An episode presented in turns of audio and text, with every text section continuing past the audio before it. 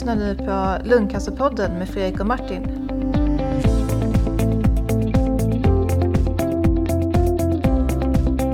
Hej och välkomna till Lungcancerpodden. Ny vecka och ny lungcancerpodd som jag brukar säga. Med mig som vanligt har jag lungläkare Martin. Tjena Martin! Halloj! Hur är läget? Jo, men tack. Ganska bra, får man väl säga. Det är, lung det är lungan. Ja. Härligt. Eh, och eh, idag har vi också en, eh, en gäst med oss. Fredrik Östman. Tjena Fredrik! Hej! Hallå. Hur är läget? Det är bara bra här också. Ja, vad härligt. Eh, ja, det, det är faktiskt lite speciellt idag för att ehm, Fredrik eh, är melanompatient. Och, och inte lugn som vi brukar, brukar prata med. Och det ska bli jättespännande att höra lite mm, om Fredriks historia och hur det ser ut på melanomsidan och så. Det var så att vi träffades nere på, eh, jag och Fredrik, vi träffades nere på Esmo här i Köpenhamn för ett par veckor sedan. Eh, eh, när Fredrik var där i eh, melanomnätverkets, eller melanomnätverket då. Eh, och eh, träffade de människorna och jag var nere med lungnätverket eller vad man ska säga då. I lungärenden helt enkelt. Eh, så då började Fredrik och jag snacka där eh, på kvällen. Och eh, det var riktigt spännande att höra hans historia. Och det, det, ska bli roligare och roligt att höra lite mer här. Så Fredrik, vad, berätta lite om dig. Vem är du? Um, ja, jag heter Fredrik Östman. Bor uppe i Umeå. Uh, här jobbar jag som uh, mjukvaruutvecklare på ett företag. Okej. Okay. Och uh, vi gör mjukvara för dataanalys. Okej, okay, wow. Jag är ju också utvecklare, jag är också systemutvecklare. Vad, vad skriver du för språk och sådär? Vad blir det för? Uh, vi skriver mest i C++. Okej. Okay. Våra desktop-applikationer. Sen har vi också en uh, webbapplikation också. Ja, okej. Okay.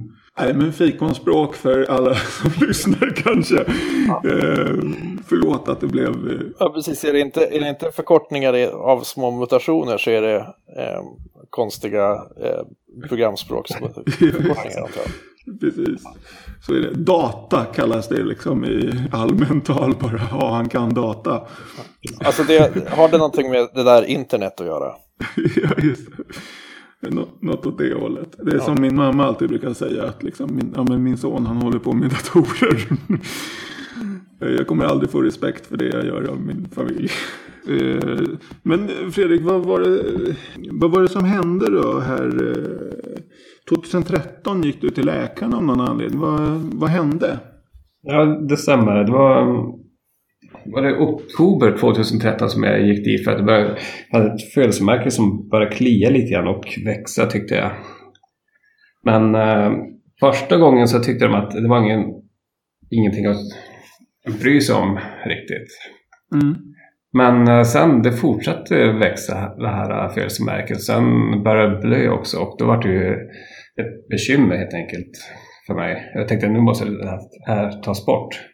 Mm. Och det var det de gjorde då i slutet av november 2013. Då tog de bort den då. Okay.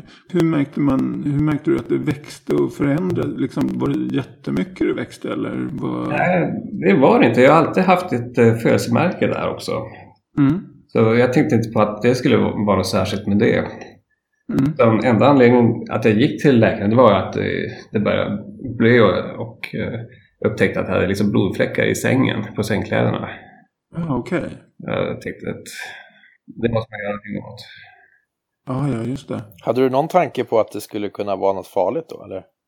Nej, ingenting då i alla fall. Det Nej. tänkte jag inte på eftersom att eh, man har ju sett andra som har hudförändringar och eh, det har inte varit något farligt med sånt. Nej.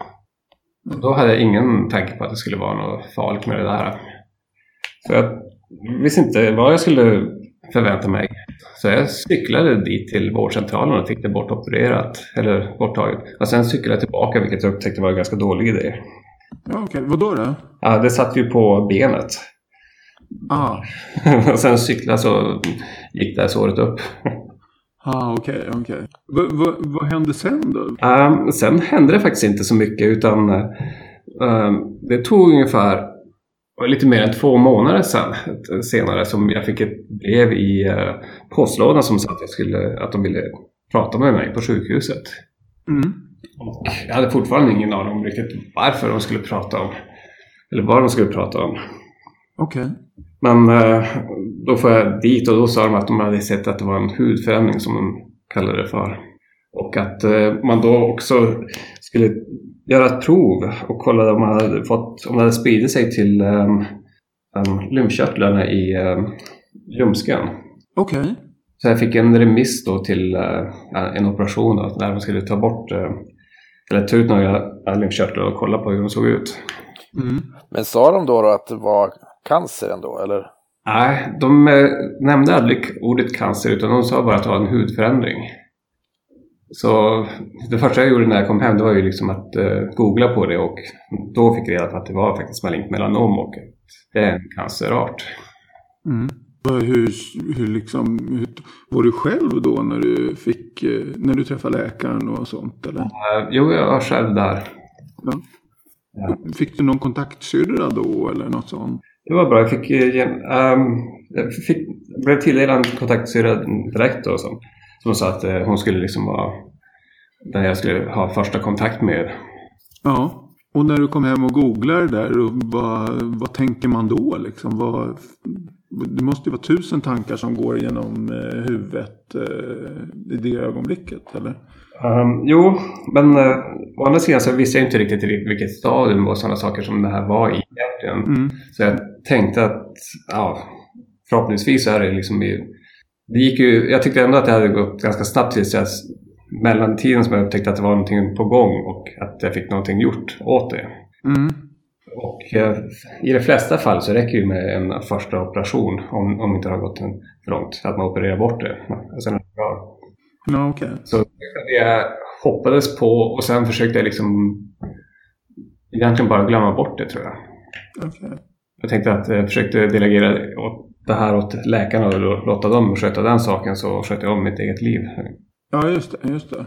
Ja, men eh, okej. Och, och sen så, eh, hur lång tid tog det då eh, från det att du fick träffa läkaren och sen att de började eller ta de här proverna då? Eller gjorde de det samma dag där?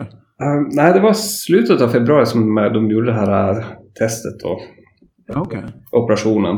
Där de tog ut några um, lymfkörtlar. Sen tog det någon vecka och sen fi- fick jag reda, på att det var metastaser i dem också. Okej.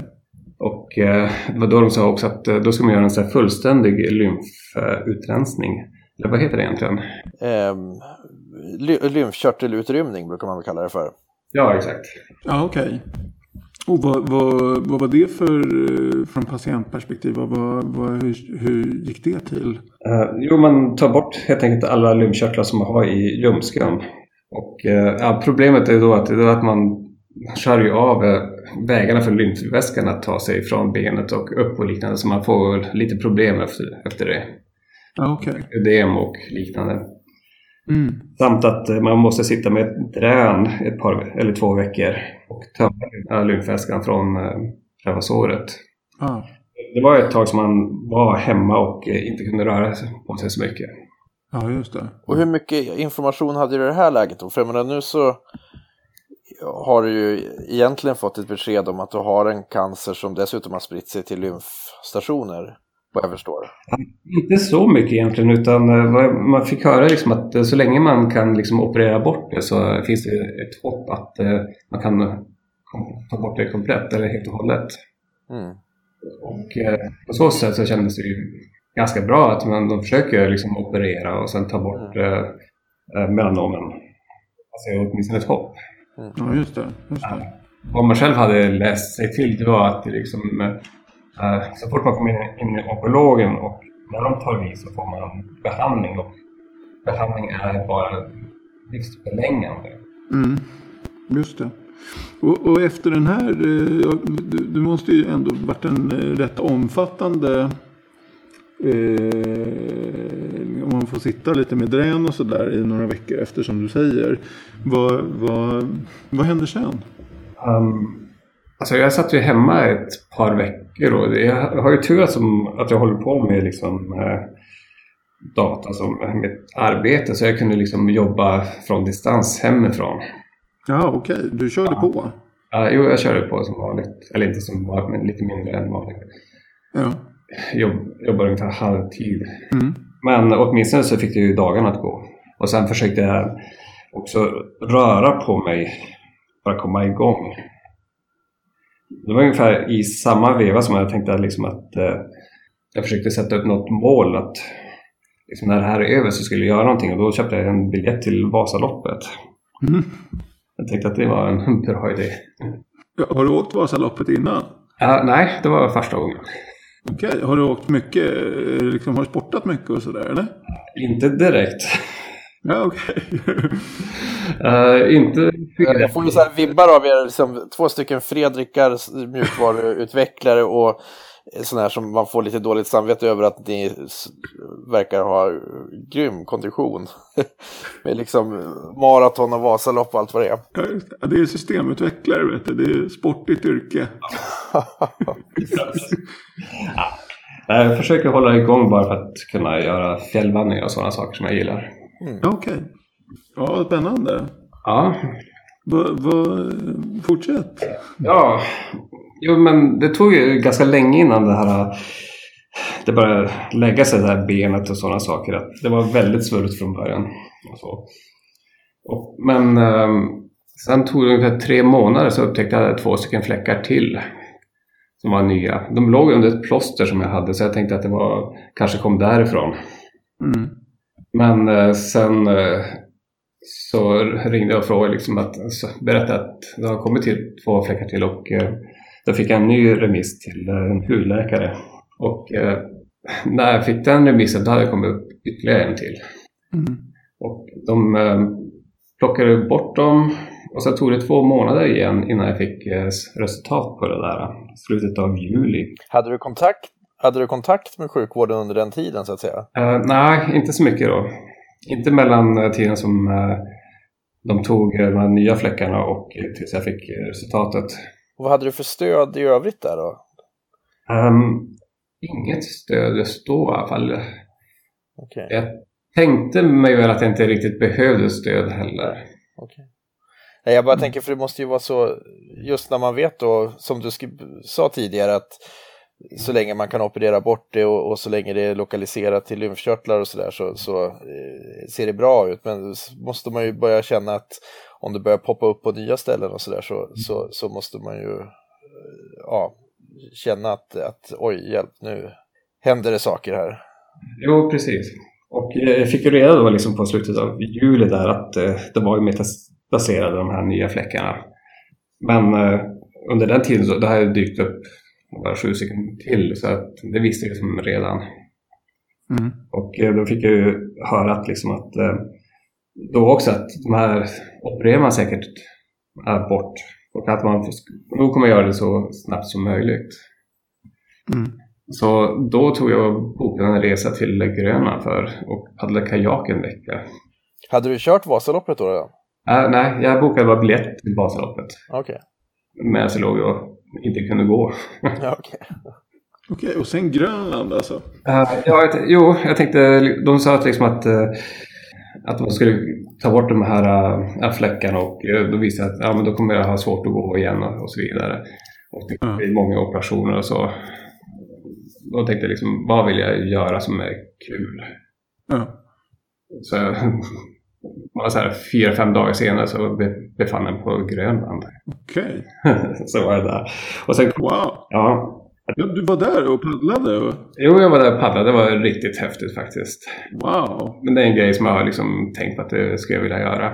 Men eh, problemet var ju liksom att eh, jag trodde att, eh, att, de här, att man skulle ta bort eh, de här nya fläckarna, att det skulle gå väldigt snabbt. Så jag bokade en biljett som var dyr, men jag kom tillbaka ja, inom två veckor som jag tänkte att ja, efter det så var jag liksom beredd på att eh, ja, bli opererad och eh, ja, bli säng, sängliggande ett tag. Mm. Men eh, efter det så hände det som ingenting. Um, så hela augusti gick, hela september gick och hela oktober gick. Och jag fick bara fler och fler sådana här fläckar.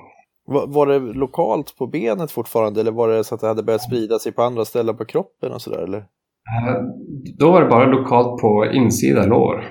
Ja. Eh, väldigt nära där de hade gjort uh, den här lymfkörtelutrymningen. Mm. Och sen spred det sig som neråt. Oktober det året eh, så fick jag en remiss till uh, Sahlgrenska där de skulle testa en ny slags behandling som heter elektrokemoterapi. Ja, okej, men det var en ny, behand en, en, okej, en ny behandling. Alltså. Ja, man har liksom en eh, slags eh, elektrisk, eh, elektriska nålar som man, man tillför eh, elektricitet runt själva melanomet eller Ah, okej. så att eh, cellväggarna kan ta in det här uh, cytostatikan. Och tanken är liksom att eh, då, då behandlar man lokalt. Okej, Jaha, så du var nere i Göteborg då? Jo, det var jag. Melanom är också en väldigt eh, cytostatikaresistent eh, tumörform. Så, så att, eh, därav också att man kanske inte gick på vanliga cytostatika i, alltså det som vi känner från lungcancerområdet och sådär i första läget, utan att eh, man har ju varit lite desperat för att försöka vässa effekten av cytostatika just på melanom. Ja, precis. Det verkar vara som att det är väldigt, att man ofta blir resistent mot eh, cytostatikan. Så att man kräver större, man måste få större och större doser och de hjälper mindre och mindre helt enkelt. Mm. Vad hände efter det då? Efter du hade varit i Göteborg och så? Var, det där var det flera gånger, flera turer eller? Ja, det var en tur. Men det visade sig att det fungerar inte så bra. Jag fick ju fortsatt spridning i övrigt Mm. på benet. Och det var då jag började fundera på, att, eh, på alternativ egentligen. Mm. Jag funderade på lite kliniska försök och sådant. Och jag var lite sugen på att hoppa på en som skulle börja men då också fick jag ehm, frågan om jag skulle ville pröva Ipilimumab som är en uh, immunterapibehandling. Mm. Så jag jag hade valet där, liksom, att antingen skulle jag hoppa på en klinisk studie som skulle börja efter nyår eller så kunna jag få Ipilimumab nästan på en gång. Mm. Och, ehm, jag beslutade mig för att eh, ta, försöka på med det här Ipilimumab. Mm. Och eh, den, det, eller hur Martin, I- Ipilimumab, det är den här eh, storfräsaren inom melanom, Yervoy. Ja, precis. Och det var ju det som, det är den första eh, immunterapin som faktiskt har visat effekt. Eh, det var den första som kom och det är en sån här, så kallad CTLA4-hämmare. Eh, och eh, som gör att T-cellerna, alltså immunförsvaret, får eh, de, de riktas mot, mot och, och triggas mot, mot att angripa eh, vävnad som förhoppningsvis då eh, är tumörvävnad. Men, men man har ju sett att det är ganska mycket biverkningar på, på eh, de här eh, CTLA4-hämmarna. Mm. Hur, hur gick det då, Fredrik? Ehm, jag hade väl tur när det gäller biverkningar för att eh, jag hade inga större biverkningar överhuvudtaget. Mm. Eh, jag kände att jag, fick så här att det kliar lite överallt. Mm. Men eh, inte så jättefarligt. Mm. Men jag fort, alltså, tumören fortsatte ju växa under tiden och det såg ju värre och värre ut egentligen. Så att eh, efter jag hade fått de här, man får fyra doser av eh, Ipilimumab, Mm. sen gör man en utvärdering och efter den utvärderingen så kom de fram till att vi måste hitta på någonting annat. Och Mm. då hade de pratat om eh, en annan behandling som heter eh, som en benperfusion. Och eh, egentligen enda anledningen till att göra det, det, det var för att eh, ta ner eh, tumörbördan som man hade fått. Mm. Med den metoden så kommer man inte åt allt. Men det man kommer åt, det dör oftast. Ja, okej. Men sen fortsätter det ju troligtvis att vä- växa senare. Mm. Benperfusion, hette det Ja, så? är benperfusion, just. Okej. Jo, men eh, det heter egentligen isolerad benperfusion. Man eh, isolerar benet där det hade, eller blodcirkulationen i benet man och för över det till en maskin som eh, eh, värmer upp blodet sen och man häller i cytostatika i det. Ah, okej, okej. Mm. Sen låter man det gå en halvtimme ungefär. Ja. Ja, medan man nedsövd och eh, Okej, okay, okej. Okay. Fick du bra resultat från det? Um, det kan man säga. Alltså, benet blev väldigt svullet efter det. Jag tror att det svällde upp med 11 cm i uh, omkrets. Oj! Så att uh, det var jättesvullet.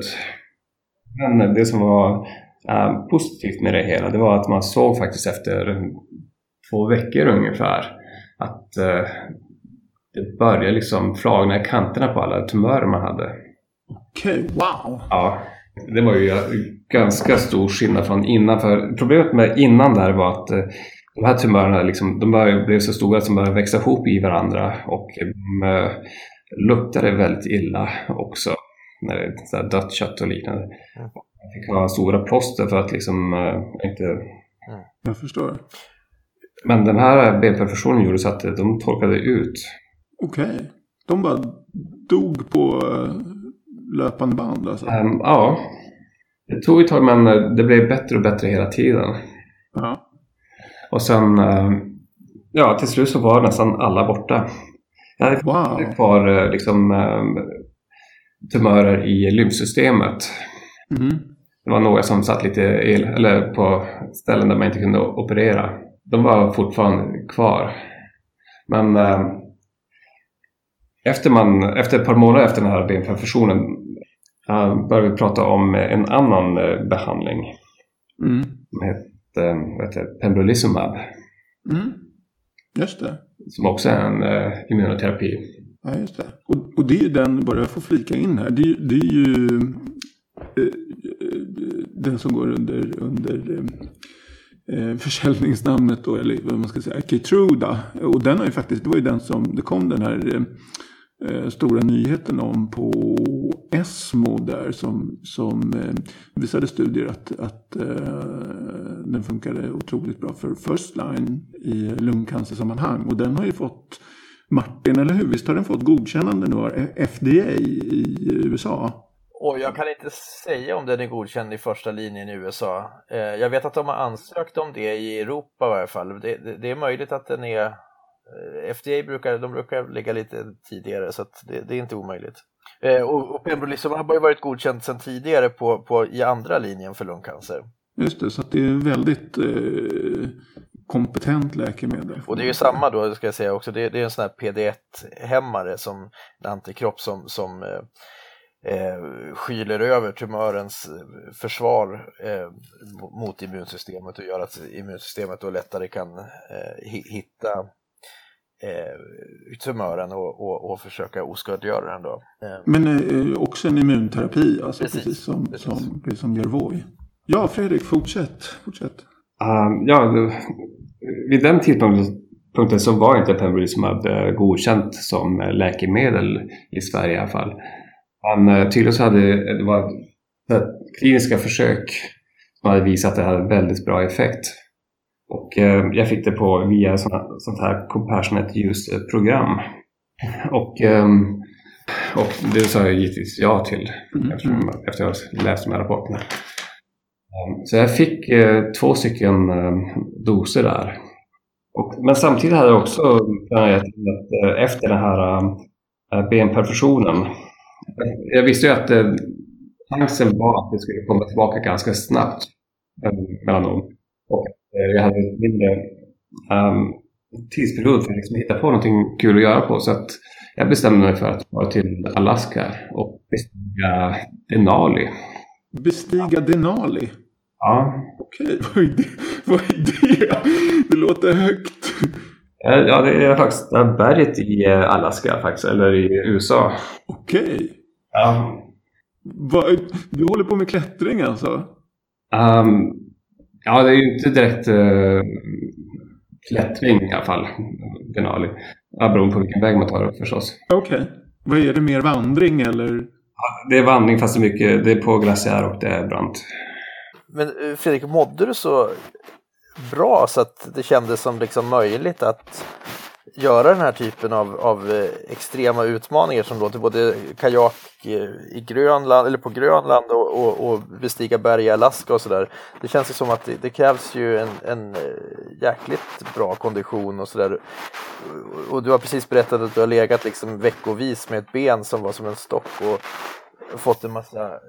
Jag måste säga att jag var ju lite tveksam själv också. Och jag gjorde en tur upp i svenska fjällen eh, två veckor innan och tänkte att det här kommer inte fungera.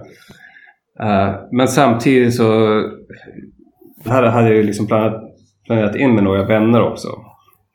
Och jag tänkte att eh, om inte jag kan följa med på turen så kan jag åtminstone ha semester. Men det funkade?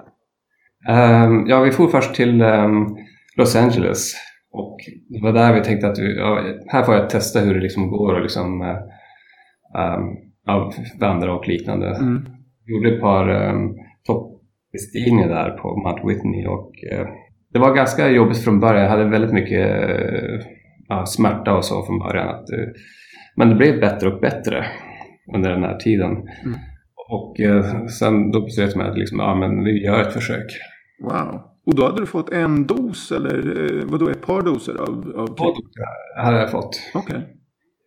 Och eh, en grej som var ganska intressant med det där var att jag hade ju en eh, tumör som jag kände i, i den andra ljumsken. Mm.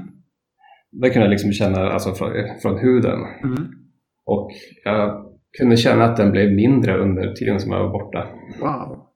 Så det var en ganska häftig känsla ändå. Ja, verkligen. Det låter ju otroligt vad skönt att liksom känna det. Att, eh, eh Okej, och sen så eh, upp, upp för berget. Det var, hel, det var liksom, tog det lång tid att göra den där bestigningen? Uh, ja, den tog uh, 18 dagar tror jag. Wow. Det tog två veckor upp. Vi hade väldigt mycket dåligt väder. Mm.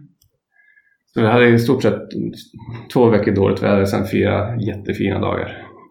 Wow. Ja, och det var det som vi, det behövdes för liksom, då var vi akklimatiserade och eh, ja, kunde gå upp och ner. Hur högt är berget? Um, 6194. Jo. Oh, Ja, det är en riktig, det är liksom en av de riktiga bergen. Liksom. Ja, det, det är väldigt vild och väldigt fantastisk natur där uppe. Ja, ja vad häftigt. Ja. Eh, ja, det finns väl någonting som heter någon sån här, eh, ja men Seven Summits tror jag inom klättrarsammanhang. Mm. Eh, är det inte så att det är, det är de liksom högsta topparna på alla kontinenter eller är det inte något sånt? Ja, det stämmer och Denali är ju en av dem. Okej. Okay. Häftigt. Ja, jag önskar jag också kunde pricka någon av dem där. Det vore ju... Man får ta någonting då i Skandinavien eller något sånt där. Kilimanjaro, eller vad, heter det? Kilimanjaro är en av dem också. Ja, just det. Kilimanjaro i Afrika. Men den är väl rätt lätt har jag för mig. Eller jag, jag tror jag har någon bekant där som har varit uppe. Eh, eller lätt, men ja, i sammanhang antar jag. Uh, ja, problemet är ju att folk tar för lite tid på sig och försöker gå upp alldeles för snabbt. Okej. Okay. För, på grund av uh, alltså den tunna luften, eller? Uh, ja, man får uh, höjdsjuk eller problem med höjden. Ja, man måste avbryta för grund av det. Men du Fredrik, jag måste fråga här, alltså det här är ju så sjukt häftigt att, att du liksom gör den här resan för att du ska känner att okej, okay, här har jag ett fönster där jag ja, kanske kan göra en sista stor resa som jag förstod att det lät lite grann så i alla fall. Och sen så känner du under den här resan att, att eh, den här eh, knölen i ljumsken faktiskt eh, börjar minska. Eh, och jag tänkte bara innan innan du började då med, med den här sista immunterapin som du, som du hade startat där, du hade eh, fått eh, Ipilimumab då som ju var det godkända läkemedlet och som var ett av de läkemedel som vi hade stort hopp till också, eller har stort hopp till, delvis inom melanomsjukdomen eh, och så. Men eh, läste du på nätet vad, vad, vad som fanns då? Förstår du vad jag menar?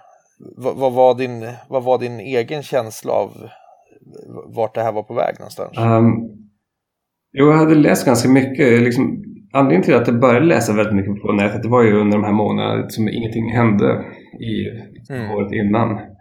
Så jag hade ju ganska stora förhoppningar på Ipilimumab. Ja. Och Pembro kom ju som ganska i samband med det. Eller i, mm. åtminstone som jag upptäckte. Och det hade ju i alla fall mycket bättre förhoppningar. Men, och sen så kom du hem från, från eh, vad var det, Denali. Denali, ja. ja. Och uh, hur, for, hur fortsatte behandlingen då? Um, jo, jag fortsatte behandlingen då. Tog upp det ganska, ganska precis när jag kom tillbaka då för att jag var ju borta ett par veckor som jag egentligen borde ha tagit behandling. Mm. Och eh, så höll jag på så. Och, eh, det tog då... Um, jag började behandlingen var det mitten på maj. Gjorde ett uppehåll som fortsatte i juli och sen i just innan jul så fick jag reda på då att eh, man inte såg några tumörer kvar på min senaste scanning då. Wow. Och det här är alltså strax innan jul, vilket år då? Uh, förra året. Okej. Okay. Det är ganska precis, eller snart ett år sedan då helt enkelt? Ja. ja. Häftigt. Ja, det är ju oerhört häftigt. Mm. Det måste ju ha känts fantastiskt. Uh, ja, det är både ja och nej. Det kändes fantastiskt för mig själv. Men samtidigt så har man ju träffat många andra som uh, har gått samma behandling och inte gått. Mm. Det är ju trots allt uh, inte alla som svarar på de här terapierna ändå. Mm. Men ja, det, jo, det känns fantastiskt. Vad hände, vad hände sen? Liksom, vad, vad... Ja, jag fortsatte på med den där behandlingen. Ja. Um, och uh, det visade sig liksom att, att jag fortsatte svara på behandlingen. Mm. Så, när jag gjorde min tredje liksom, uh, uh, tumörfria skanning då beslutade jag mig för att göra liksom mitt ja, högsta mål som jag hade liksom satt upp. Mm. Och det var att fara till Nepal och Tibet och bestiga ett 8000 meters berg där. Wow. Ja. det, var inte, det var inte nog med Denali. ja, det var liksom, det tänkte jag det skulle bli min som, liksom, present till mig själv. Ja. Mm. Om, jag, om behandlingen forts, fortsatte att verka. Så efter tredje behandlingen där så var jag, eh, köpte jag biljetten bara några dagar efteråt. Jag hade fått besked att allting var bra. Och sen en vecka senare så befann jag mig i Nepal. Wow. Mm. Jag hade givetvis liksom pratat med en annan som jag kände om just den här resan och liksom gjort lite förberedelser. Men själva biljetten och eh, så betalade jag liksom en vecka efteråt. Va, vad hette berget sa du? Eh, Cho-Oyo. Cho-Oyo. Och det ligger vid Mount Everest där eller? Ja, ganska nära. Det ligger tre mil därifrån ungefär. Ja, okej, okay, okej. Okay. Vad häftigt. Är det en stor... Jag menar, det, det är en stor... Eh, det är en stor apparat det här med att bestiga berg. Eller jag menar, man behöver eh, bo över mitt i natten. Och, och jag menar, det, det, tar sin tid va? att komma upp på de där höjderna. Ja, det känns, det känns ju väldigt ad hoc det här att, att bestämma sig att nu köper jag en biljett och, och fräser ner till ett 8000 meters berg och knallar upp på det. För det, det, det är väl sånt där som professionella expeditioner liksom förbereder sig i tre år med miljontals kronor i sponsring och sådär. Uh, ja, kanske inte riktigt i alla fall. Det här, uh, jag har ju varit och klättrat på andra ställen förut också. Jag fick melanom. Men eh, vad vi gjorde var att vi beställde liksom ett paket som eh, eh, tog oss till basläget och eh, också hade, där ingick mat, så man kunde få mat i basläget. Mm. Mm. Och sen fick man sköta resten själv. Mm. Så vi hade inga skärpas eller syrgas eller sådär. Okay. Mm. Men däremot så ut, det fanns eh, rep som en grupp hade satt upp innan oss på vissa ställen. Ja, okej. Okay. Så det fick vi utnyttja. Ja, just det. Mm. Men och, och, det här är liksom med sådana här, är det med liksom superutrustning med stora isklor på fötterna och uh, ja. är det typ som, som man ser på de här Mount Everest-filmerna? Uh, kanske uh, ja, sånt behövs. Du behöver uh, stegar och sådana saker. Mm. Ja, shit vad häftigt. Ja, det låter ju det är väldigt inspirerande det här får jag säga att höra på. Man blir sugen på. Jag har faktiskt tittat en del på, på tv då. Nej, det funkar ju inte att säga det här i radio. Men jo, men jag har ju faktiskt tittat på massvis med sådana här Mount Everest-serier. Eh, det finns en serie som heter Everest. Och du och jag Fredrik, vi kom och snacka om den där på mm. Esmo där. Du hade också sett den. Ja. Eh, det är en fantastisk miniserie som heter Everest. Eh, för alla intresserade. Som, som varje säsong så följer man eh, lite olika gäng upp och ibland funkar det, ibland funkar det inte att komma upp. Men det, och det är väldigt... Ja, man känner det där. Jag kan förstå verkligen suget av att klättra. Även om jag är verkligen notoriskt höjdrädd själv. Så ja, det är verkligen respekt och de som tar sig upp på de där bergen. Det är otroligt häftigt. Men kom du upp då Fredrik? Eller? Eh, jo, det gjorde vi. Wow. Ja. Det tog två försök. Första försöket fick vi avbryta på grund av dåligt väder. Men sen eh, veckan senare så gick det bra. All right. Det är lite grann andra gången gilt som med immunterapin. Ja, ungefär ja. Om man ska dra någon liknelse. Ja, det är ju, jag menar vilken story. Helt otroligt. Och det här var alltså, när var det? I våras? I våras ja. ja. Var, var är nästa berg då?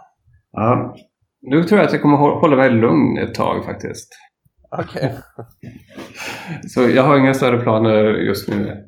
Men det här, det här berget ändå, jag blir väldigt fascinerad. Det här är ett av de här, ja, vad säger man, 8000ers eller något sånt där? Ja, det är väl sjätte högst tror jag. Sjätte högsta berget i världen. Ja, det är en fantastisk bedrift, det får man säga. Det är otroligt. Det är... Nu hamnar jag i bakvattnet här känner jag med mitt maraton. otroligt. Du håller på att tjata. ja, precis. Nu får jag lägga ner. Ja, du får ta och planera in något, någon sån här, vad heter det, extrem Mara eller något sånt Ja, just det. Vi kan, vi kan ju börja ha det som eh, någon sån här utmaning till 40-årsdagen. Eller något. ja, just det. Ja, otroligt häftigt, otroligt häftigt. Ja, det måste ju varit en spännande resa där. Har du varit i eh, Tibet tidigare, Fredrik? Jag var i Tibet för 20 år sedan faktiskt. Okej. Okay. Ja, det var en backpackerresa. Okej. Okay helt annorlunda då jämfört med nu. Ja, jag kan tro det. Det har hänt rätt mycket va? utvecklingsmässigt och turistmässigt kan jag tro. Mm. Ja, vad häftigt. Vad, vad, otroligt spännande Fredrik. Och, och du är otroligt stark. Och, ja, det märks ju på alla liksom, äh, äventyr och bedrifter. Och, ja. och, och otroligt starkt att prata om det här också. Och, Eh, så jäkla värdefullt för oss eh, på lungsidan. Och jag hoppas många melanompatienter lyssnar på det här också. För det är otroligt inspirerande eh, att höra din historia helt enkelt. Ja, för mig så har det varit som en terapi i sig själv att ha sådana här mål framför mig och liksom försöka hålla mig aktiv. Mm. För att kunna klara de här målen. Mm. Jag har också känt att liksom, jag har blivit väldigt trött av behandlingen. Och det som hjälper då är ju bara att försöka hålla sig aktiv. Mm. Men eh, det här är, det är ju så, just som Fredrik säger, så otroligt inspirerande för oss då, som, som är på lungsidan som ju ligger några år efter melanomen vad det gäller immunterapi. Eh, och jag menar, det är det här vi hoppas på att vi ska se nu med, med lungcancern också, de här resultaten. De, de ser vi ju redan delvis. eh, men, men än så länge har vi liksom inte riktigt kanske hunnit vässa våra, våra kunskaper tillräckligt för att Eh, vi ska se hela, eh, he, hela effekten. Och sen så kommer det så mycket flera eh, preparat också som, som vi kommer kunna använda framöver. Ja, det är ju fantastiskt. Eh, jag var nere här på Esmo och hade det här Satellite Symposiet dagen innan. Och då var vi som sagt blandade en lunggrupp och en melanomgrupp. Och då fick vi se där några slides eh, på melanomsidan hur det fullkomligt har exploderat med just kombinationsbehandlingar de, de senaste två, tre åren. Där som det verkligen ja, det har hänt otroligt mycket på, på melanomsidan. Och vi börjar se Eh, samma på lugn nu, att det liksom exploderar med, med det här. Det är jätte, verkligen triggande för... Jag såg en eh, slide där att det har kommit åtta stycken nya terapier sedan 2011 för melanom. Wow! Och de flesta är om olika kombinationer just mot eh, BRAF-mutation. Mm. Och sen ett par uh, immunoterapier också. Otroligt häftigt. Ja, nej, eh, tack så mycket Fredrik för att du eh, ville vara med här idag. Det är verkligen eh, otroligt uppskattat. Ja, tack själv. Så eh, Martin, vi, vi hörs nästa gång i Lungcancerpodden. Det gör vi absolut. Tack så hemskt mycket Fredrik. Fantastisk story. Båda, och tack så jättemycket vanliga Fredrik också. tack, tack. Hej. Hej. Tja. Hej. Tack för att du lyssnade på Lungcancerpodden med Fredrik och Martin.